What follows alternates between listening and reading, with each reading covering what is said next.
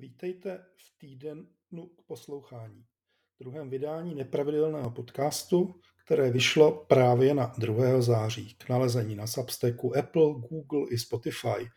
A nezapomeňte si přihlásit odběr, znáte to.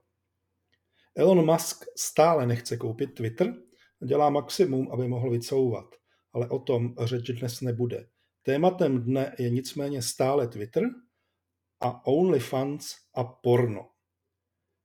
OnlyFans je společnost sídlící v Londýně a nabízející placený obsah. Tvůrcům, kteří ho na platformu nahrají, vyplácí peníze. Nutno dodat, že velmi slušné peníze.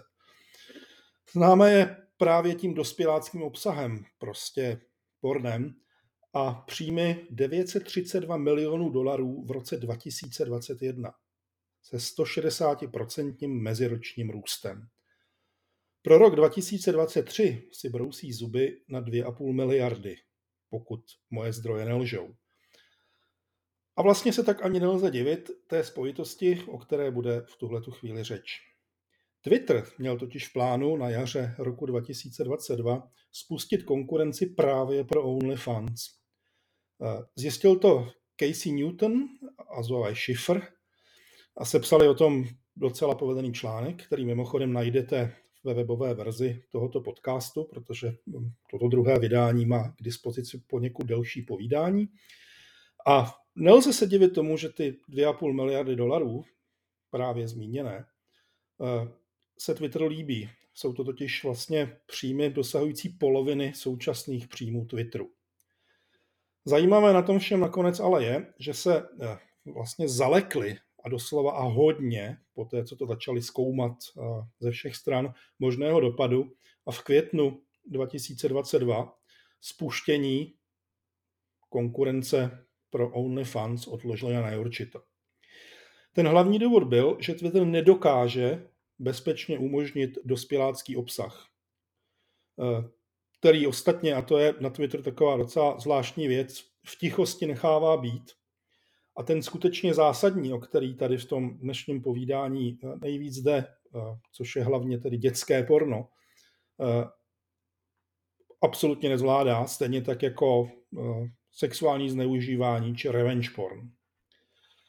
Nedokáží ho správně detekovat a stejně tak nedokáží odchytávat záplavu nahatých videí, o níž natočená osoba vůbec neví a někdo je vlastně na Twitter nahrál. Zjistili i to, že nedokáží bezpečně ověřit plnoletost tvůrců a legálnost toho, že tam vůbec ten placený obsah můžou přidávat. A to, že eh, porno na Twitteru by v tomto případě bylo zamknuté za mm, zaplacením, za paywallem, by eh, podle analýz, které si nechali zpracovat, vedlo k záplavě dalšího nelegálního a problematického obsahu. Což jako vedlejší efekt by byla poměrně zásadní komplikace v App Store a v Google Play, protože podobný obsah tam vůbec být nemůže. A hodně by o problémech s tímto druhem obsahu uh, mohl vyprávět Twitch.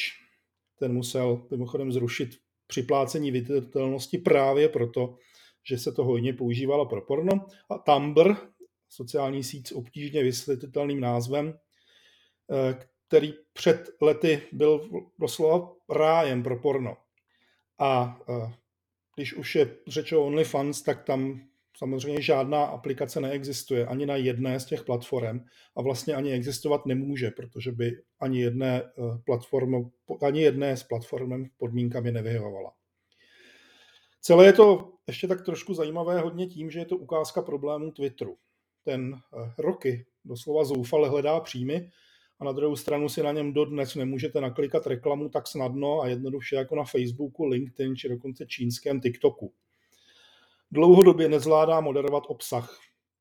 Nemá lidi, ty, co máte, ti pracují prakticky za klasických mizerných podmínek a má velké, ale obrovské mezery právě v detekci dětské pornografie, kde ta detekce není automatizovaná, tak jak na těch ostatních platformách, ale je vlastně odkázaná na nahlášení a manuální kontrolu.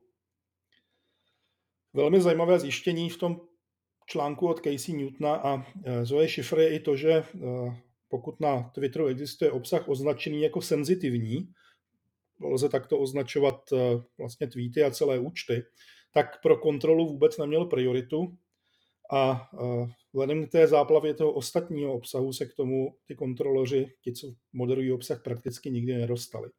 Můžeme samozřejmě řešit, jestli to Twitter dělal schválně, protože mu ten obsah přece jenom stále přináší poměrně dostatek v úvozovkách zajímavé náštěvnosti, nebo jestli je to jenom prostě neschopnost nebo nedostatek financí, těžko říct. Celé je to ale také zároveň ukázkou toho, že ať na internetu zprovozníte jakoukoliv platformu, kam uh, mohou uživatelé volně a anonymně něco nahrávat, tak ta se dříve nebo později uh, stane vlastně rájem a záplavou pro pornografii. Ať už té dětské, o které jsem se několikrát zmiňoval, nebo prostě i té, i té dospělácké, která má mnoho vlastních problémů. Někde to dokáží moderovat, někde třeba na ruském V-kontakte je jim to v celku jedno.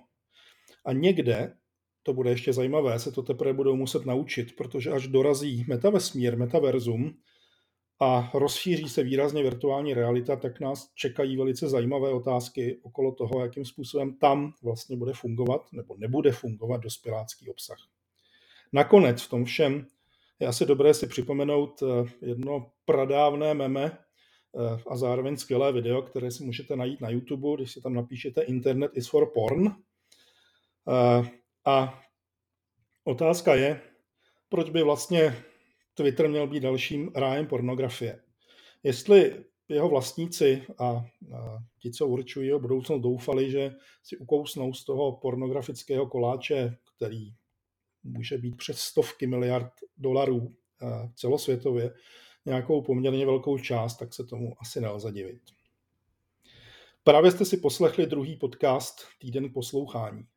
Pokud ještě neodebíráte, můžete to snadno napravit včetně odběru e-mailem na Substacku a sledováním Twitteru zavináč rychlovky. Ano, je tam F místo V. A někdy příští týden opět naslyšenou.